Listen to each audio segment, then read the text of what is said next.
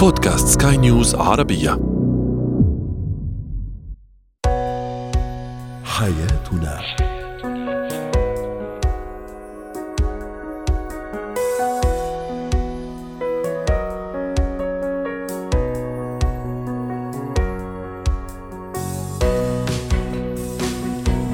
مستمعينا الكرام أهلا بكم. معنا إلى حياتنا فضاؤكم اليومي الذي يعنى بشؤون الأسرة وباقي الشؤون الحياتيه الأخرى والذي يمكنكم الاستماع اليه عبر منصة Sky News Arabia dot com slash podcast وباقي منصات سكاي نيوز عربيه الأخرى. شاركونا عبر رقم الواتساب 00971 622 3 معي أنا ابتسام العكريمي.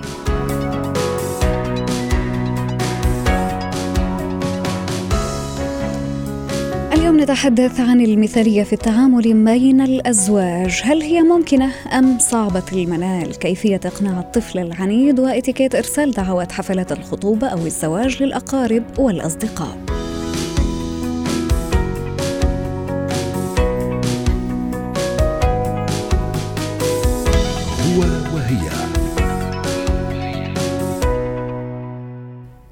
المثالية في الحياة الزوجية قد تكون هدفا يسعى لتحقيقه الكثير من الأزواج والزوجات لكنه عادة ما يصطدم بالواقعية التي قد تجعل صفة الشريك المثالي قد تكون بعين أخرى أو قد ترى بعين مختلفة بغض النظر عن بلوغ الشريك لمستوى المثالية من عدمه. طرحنا سؤالنا التفاعلي مستمعينا الكرام هل بإمكان الشريك أن يصل إلى المثالية في الحياة الزوجية؟ ورحبوا معي بالدكتورة لنا أصأص الاستشارية النفسية والأسرية. يسعد أوقاتك دكتورة. إذا هذا هو سؤالنا. التفاعلي وتعليقات كثيرة وصلتنا على منصات سكاي نيوز عربية. تعليق يقول ما في شخص مثالي ولكن في عيون الشريك ممكن أنك تكون مثالي.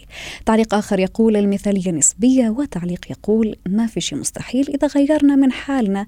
نستطيع الوصول إلى درجة من المثالية. أهلا وسهلا بك. معنا دكتورة لانا مرة ثانية. من هو الشريك المثالي؟ وهل فعلا بإمكان هذه الصفة أن تكتسب من قبل الأزواج؟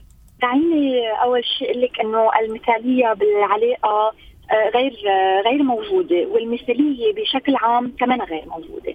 آه، إنما بعلم النفس بنقول إنه ال- المثالية هي سمه سمة من سمات الشخصية بتكون موجودة عند الشخص آه، وهي مرتبطة بالقلق عند الشخص عادة وعند اضطراب الوسواس القهري. آه، هيدا إذا بدنا نحكي أكثر شو هو شو هي المثالية وبشو ارتباطها بعلم النفس. فإذا الأشخاص اللي بيكونوا عادة مثاليين وبدهم كل الأمور آه تكون عم تمشي بشكل مثالي خالي من العيوب خالي من الأخطاء آه كل شيء مثل ما هن مخططين لهم عادة ما يصابوا بالإحباط الدائم. لأن مثل ما كنا عم نحكي ما في شيء مثالي ما في شيء آه نحن مثل ما بنخطط له بصير 100% على طول عنا معوقات على طول عنا أمور بتطلع لنا بتفاجئنا. فبالتالي نحن بحاجة نكون فلكسبل بحاجة نكون مرنين بالتعاطي مع الأمور عادة. كيف نعم. عم نحكي بأمور تتعلق بالشريك وبأمور تتعلق بشخصية معقول تكون مختلفة كليا عن شخصيتي أنا. خاصة عند التعامل مع هذا الشريك آه، أيضا عند ردود الفعل على أي أمر قد يحدث بين الشريك و- والزوجة مثلا؟ وأيضا آه، دكتورة لانا يعني هنا أيضا نتحدث عن المثالية في التصرفات. نعم. آه، هو آه، الشريك المثالي بينتظر من آه، لما نقول كمان شريك مثالي مش معناتها هو مثالي. معناتها هو يطمح للمثالية ويطلب من الشريك الآخر أن يكون مثالي مثله. أو يحاول التصرف بمثالية. بالضبط. هو نحن نحن ليس يعني منا مثاليين. ولو حتى ولو حتى طمحنا أو حاولنا نكون مثاليين ما حتزبط معنا لأنه ما في شيء اسمه مثالية بالحياة. هذا الشيء اللي لازم نعمل له اكسبتنس لازم نكون عم نقبله. منهم مثاليين نحن مليئين آه، بال- بالأخطاء مليئين بالعيوب ولازم نتقبل بعضنا مثل ما نحن ونحاول نتكيف مع هذه العيوب ومع هذه الأخطاء اللي نحن فيها. آه، وأكيد في أخطاء نحن بنقبلها في أخطاء ما بنقبلها هون بيرجع لل values بيرجع للقيم بتاعتنا بتاعتنا كأشخاص. هلا الأشخاص المثاليين عادة ال values بيكونوا كثير كبار كتار يعني وبيكونوا عاليين جدا يعني بيكون عندهم high level of standards بيطمحوا إنه يكون موجود عند الشريك الثاني ولما ما يلاقوها بصير عندهم إحباط بصير في عندهم لوم للشريك بصيروا بيفقدوا مشاعر الحب وبيفقدوا مشاعر آه المودة للشريك الآخر وبصيروا بس عم يشتغلوا معه على أساس انتقاده وعلى أساس طلب إنه هو يتغير وطلب إنه هو يكون مثل ما هن بيطمحوا تمام. المثالية دكتوره دكتورة عذرا على المقاطعة ولكن المثالية هل هي نسبية نستطيع القول أنها كذلك في صلب العلاقة الزوجية. مثلا قد تكون آه، المثالية لدى الزوجة في الاهتمام بالزوج آه، المثالية في آه، عند الزوج عند ضبط أعصابه في ردود الفعل المثالية في التعامل المثالية في الاعتناء في الاهتمام. يعني هل نستطيع مثلا أنه أيضا نقول أنه هذا الشريك أو هذه الشريكة هي مثالية في أمر معين فقط. إذا أردنا تغيير أنفسنا أنا كزوج أو كزوجة حبيت أني أتغير علشان أعطي كل ما هو جميل في بغية الوصول إلى هذه المرحلة من مراحل المثالية في تصرفاتي في ردود فعلي في معاملتي للشريك. هل هذا ممكن فعليا؟ الممكن هو تطوير الذات وتطوير الطباع. وتطوير السلوكيات باتجاه الشريك الآخر لحتى نكون عم نحسن من علاقتنا. فأنا اللي اللي بدي أطلبه من الجمهور كمان اللي عم بيسمعنا إنه نحن حتى ما نتعامل مع مع حالنا ونطلب من حالنا المثالية. لأن هو شيء يعني نحن لما نقول مثالية يعني كمال. ونحن كأشخاص مستحيل نوصل للكمال. على طول في أمور بنضل فينا نحسنها. على طول لو حتى وصلنا لليفل معينه من من مثلا فنون التواصل بكون قادرين بعد نوصل لمرحلة أكثر. فهذا السقف اللي بنحطه لحالنا نحن عادة ما بنقدر نوصل له. فعشان هيك لازم نقلل توقعاتنا من نفسنا ومن الشريك. وهون فرق بين إني أنا اكون عم بطمح للمثالية وكون عم بطمح لتحسين علاقتي. لأنه أنا آه، بعض الأمور اللي أنا عندي إياها يمكن بحاجة لتطوير وبحكي مع شريكي بطريقة آه، التواصل الفعال إنه أطلب منه وأشرح له احتياجاتي لحتى هو كمان يكون عم بيحاول يحسن ويطور من آه، من بعض الأمور اللي هو بيعملها لنوصل لمحل أنا أكون مرتاحة وراضية بهيدي العلاقة وشريكي يكون مرتاح وراضي. بس خلينا نكون عم نبعد عن مصطلح المثالية لأنه هو مصطلح بحد ذاته بشكل عبء. على علينا كلنا كاشخاص يعني هلا أنا إذا بدي أطلب من حيلا حدا أقول له كون مثالي بهذا الشيء. طب المثالية هي شيء غير محدد بأرقام. هو شيء هو أعلى سقف آه، ممكن الواحد يتخيله. فهو ضغط ضغط كثير كبير نحن بنحطه على حالنا يجب الابتعاد عنه. هل نستطيع تلخيصه في أمر معين كما آه، يعني تحدثنا منذ قليل أمر نسبي قد يكون أمر واحد؟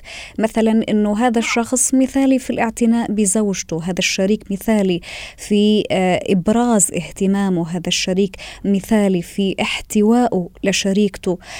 إذا أيضا اتفق هؤلاء الأزواج الذين يطمحون إنهم يكونوا يعني مثاليين في التعامل آه، مع زوجاتهم. ما هي الخطوات التي تنصحين بها لتيسير الوصول إلى هذه المرحلة؟ أوكي أول شيء خليني أجاوبك على أول شق من السؤال اللي هو خاصه بالمثالية.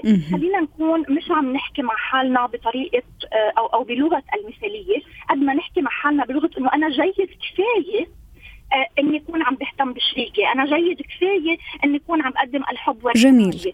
آه احسن أحسن ما أقول أنا مثالي. أوكي؟ وأطلب من الشخص الثاني يكون جيد كفاية أحسن ما أكون عم بقول إنه أطلب منه إنه يكون مثالي. هي أول شغلة. نعم. ثاني شغلة إذا بدنا نحكي شوي عن النصائح آه اللي آه اللي نحن بنكون عم نتوجه فيها للأشخاص المثاليين واللي بيطلبوا من آه الشركاء إنه يكونوا مثاليين. أول شيء بدي أطلب منهم إنه هم يفتشوا على الجذور للمثاليه وهي بترجع لفكرة أبرزها إنه أنا أقيم نفسي واقيم تقديري لذاتي قبل تقييم الآخر.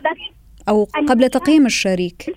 طبعا. وشغلة ثانية إني أنا بقيم نسبة النجاح ونسبة البرفكشنزم المثالية بالشخص الثاني وبربطها بتقدير ذاتي. هي مش مربوطة ببعضهم. أنا في يكون عندي تقدير ذاتي كثير عالي وحب حالي وقدر نفسي وكون غير جيدة ببعض الأمور بحياتي. منهم مربوطين ببعضهم. بس لما الشخص يكون عم يربط تقدير الذات بالمثالية هون بنكون عم نحكي عن آه، شيء لازم يكون عم يتصلح. وهون يجب الشخص يكون واعي بهذا الموضوع. هذه شغلة. شغلة ثانية المثالية لديها ثمن غالي. لأن بتفقد بتفقدنا رونق العلاقة بتفقدنا إنه نكون عم نتقبل الشريك مثل ما هو بتخلينا نركز أكثر على العيوب نركز أكثر على النتائج بتخلينا نكون عم نضيع آه، جمال الوقت الحالي اللي أنا ممكن أديه مع شريكي. آه، النصيحة الثالثة اللي بدي أكون عم بقدمها آه، كمان للمستمعين هي إنه التقبل. يجب إنه نتقبل شريكنا بكل الأمور اللي هو فيه. مع أنا نقيته من قبل ما أكون يعني إذا بدنا نحكي خطوبة أو زواج أنا كنت عارفة الأمور اللي هو عنده إياها. خليني أكون عم بتقبلها. مثل ما قلنا بحدود معينة. إذا في حدود أنا زعجتني خليني ألجأ للتعبير والتواصل الفعال والتواصل المباشر واقول له بشكل ما اكون جادجمنتال ما اكون عم بعمل أحكام على الشخص. بدل ما نعم. أقول له إنه آه أنت مش عم تهتم فيي أنت قليل اهتمام فيي أقول له أنا بحاجة للاهتمام تكون عم تهتم فيي شوي. يعني انتقاء انتقاء المصطلحات أو انتقاء طريقة التعامل مع الشريك وهذا أمر كثير بيفرق بين الأزواج. شكرا لك يا دكتورة لنا قصقص الاستشاريه النفسية والاسريه على كل هذه النصائح الثمينة. يعطيك ألف عافية. زينة الحياة. يحتار والد الطفل العنيد في كيفية التعامل معه فمن جهة يريدان له التربية الحسنة والتهذيب ومن جهة أخرى على هؤلاء أنه يراعوا رغبة هذا الطفل في فرض نفسه كشخص أكبر مما قد يبدو عليه في العائلة مهما كان صغر سن هذا الطفل. للحديث أكثر في هذا الموضوع. رحبوا معي مستمعينا الكرام بالدكتورة همسة يونس الخبيرة النفسية والتربوية. أهلا وسهلا بك دكتورة. كيف أعرف أنه طفلي فعلا طفل عنيد؟ وما هي الصفات التي تكون عليه لمعرفة كيفية التعامل معه؟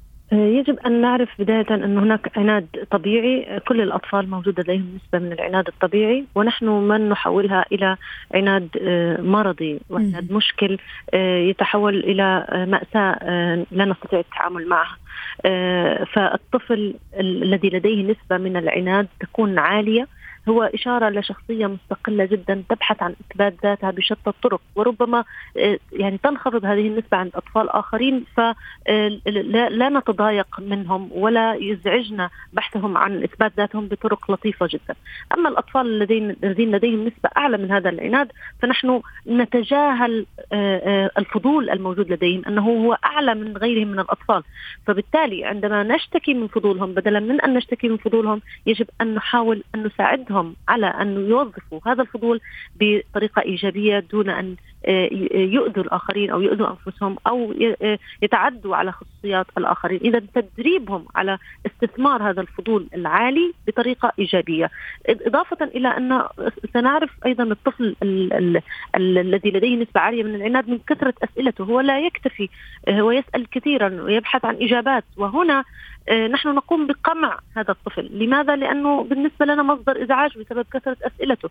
بدلا من قمع الطفل نحاول أن نعطيه إجابات حقيقية وليست مضللة لأننا عندما نعطي إجابات مضللة سيشعر الطفل بأننا نقلل من احترامنا لعقله. وبالتالي سيعاندنا ويطلب المزيد ويحاول أن يزعجنا يعني أن يجعل هذه الأسئلة مصدر إزعاج لنا. تمام. بدلا من أن نحولها إلى مصدر إزعاج نجعلها مصدر اكتشاف حقيقي. وأيضا ندربه على حدود الأسئلة يعني متى أسأل وكيف أسأل.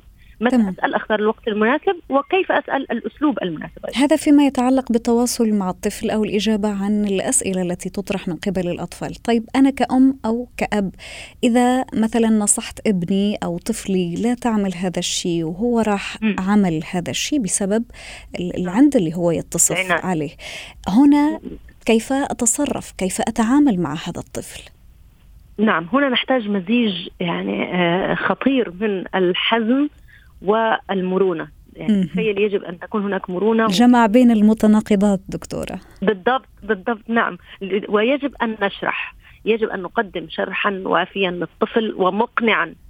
يعني نقضي ربما دقائق أطول في الشرح والإقناع بدلا من أن نعطي أوامر صارمة وخلص افعل كذا أو لا تفعل كذا ثم نتذمر من عناد الطفل وقيامه بالسلوك الذي نرفضه.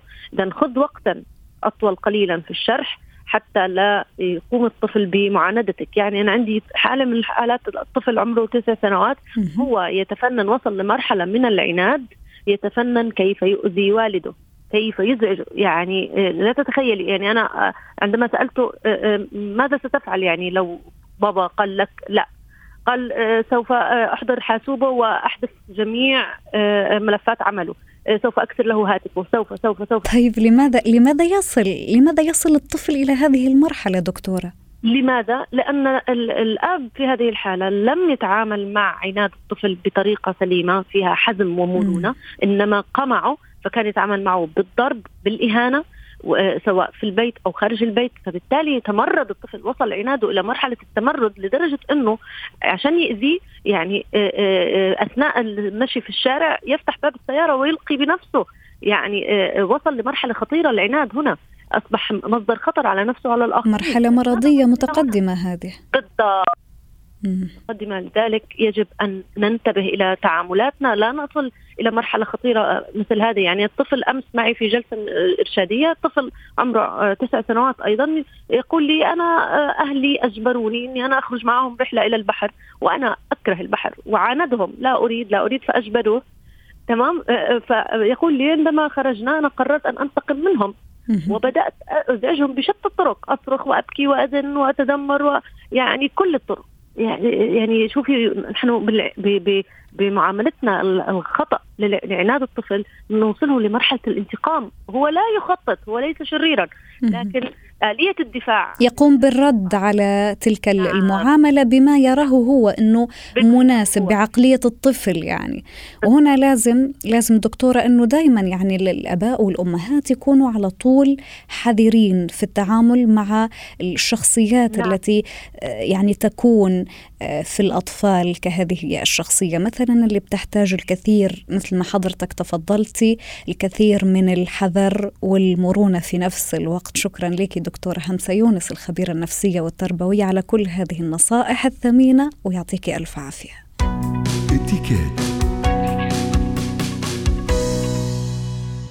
مع فصل الصيف تزداد حفلات الخطوبة أو الزفاف بما لا شك فيه أن توجيه دعوة للأهل أو الأصدقاء من أجل حضور حفل الخطوبة أو الزفاف له اتيكيت خاصة اليوم. يمكن ببساطة تنفيذه حتى يعني يظهر أهل العروسين بمظهر لائق أمام الضيوف والمعازيم. رحبوا معي مستمعينا الكرام بخبيرة الاتيكيت أستاذة مارلين سلهب. أهلا وسهلا بك يا أستاذة مارلين. يعني ما الاتيكيت في هذا الموضوع؟ هل لابد أني أقوم بإرسال دعوات حضور سواء حفلة الخطوبة أو حفلة الزفاف؟ ونحن نعلم أنه بتختلف ولكن فيما يخص إرسال آه، دعوات حضور الحفل هل مثلا أقوم بإرسالها بالإيميل أو بشكل مطبوع؟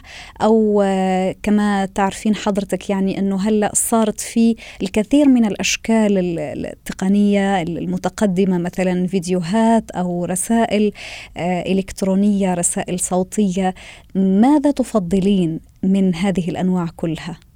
ما في شك إنه هلأ كل الإحصاءات بتقول إنه صاروا 62% من العزايم عم بتروح بالإيميل. يعني أغلبيتهم عم بياخذوا بيبقى موجود حتى على الميل في أشياء آه، خالصة. يعني ما قلنا غير نعبيها. وفي أشياء بتعرفي العرسان بحبوا كمان هن يكون عندهم اللي مثل ما بيقولوا السيجنتشر تبعهم. يتفننون فيها. يعني نعم نعم نعم. هلأ ما في شك إنه آه، الأعراس عزيمة الأعراس تختلف عن عزايم الأخرى. أكيد. يعني لما أنا بدي أعزم لتسي على خطوبة ما في ما أعطي الوقت اللي بعطيه للأعراس. لأنه الأعراس نحن صرنا بنعرف إنه ال ال إذا الإنسان منه عايش بذات المنطقة سو أنا بدي أعطي وقت بين ستة وثمان أسابيع لا يحضر حاله. هذا فيما يخص التوقيت واللي هو كان سؤال التالي. نعم. يعني هل لابد علينا مثلا إرسال هذه البطاقات قبل بأسبوع بأسبوعين؟ حضرتك هلأ عم بتخبرينا أنه ثلاثة أسابيع على الأقل. هذا فيما يخص. حفلات الزواج. نعم. أما عم بقول إذا أم إذا كانت حفلة عادية حفلة خطوبة حفلة في ما أتأيد بهالوقت الطويل. لأنه حتى في يقول حتى بالأعراس بعض الأوقات إذا نحن مش بذات البلد مفروض كمان نروح لثلاث أسابيع بدون لثلاث أشهر مش أسابيع. واذا بدنا نحكي خطوبة أم عشاء كبير أم لا هون بتختلف. في أنا أعطي أربع أسابيع بتكتفي بكتفي فيها. بس المهم بالعزايم إن كنت أعطيت آه، أربع أسابيع ولا ست أسابيع المهم التزم برد الجواب بالوقت المحدد. أغلبية الأشخاص حتى بالعزايم الرسمية صارت عم تعملهم برات البيت إذا ما في عنا وسعة ببيتنا أم إذا مسلمينا لشركات معينة. سو نحن لنقدر نحجز بدنا نعطي أولا نجاوب بالوقت المحددينه الأشخاص والأهم نحن نبعث قبل بوقت ونرجع بعض الأوقات بننجبر نبعث تليفون صغير لنذكر العالم لا تجاوبنا للأسف لأنه كثير أشخاص بينسوا يرجعوا يجاوبونا يعني أنا مثلا إذا تلقيت هذه الدعوة وصارت علي ظروف على أساس أني كنت حروح للحفل وصارت علي ظروف نعم. ما خلتني أو منعتني من أني أروح هنا طريقة الاعتذار كيف تكون؟ مثل ما انبعت أصلا العزيمة أنا بقدر جاوب بذات الطريقة. بس كثير عالم بتفضل إنه بتحكي على التليفون خصوصا للاعتذار. لأنه بتفسر أكثر آه يعني شفهيا الإنسان يسمع صوت الآخر غير ما إنه يبعث له مكتوب. بيرتاح نفسيا يعني. نعم نعم نعم. آه وبيطلع إذا بتح... يعني إذا في يقول صادق أكثر. وفي اهتمام أكثر للاعتذار لأنه حضرتك بتعرفي كلنا ممكن نحصل معنا أي شيء نعم. الافضل نتصل. بس أكيد. إذا لا دائما نحن بنجاوب بالطريقة اللي انعزمنا فيها. أكيد. شكرا لك خبيرة الاتيكيت أستاذة مارلين سلهب على كل هذه النصائح والإرشادات في فن الاتيكيت ويعطيك ألف عافية. ختام هذه الحلقة من برنامج حياتنا. شكرا لكم على طيب الإصغاء وإلى اللقاء.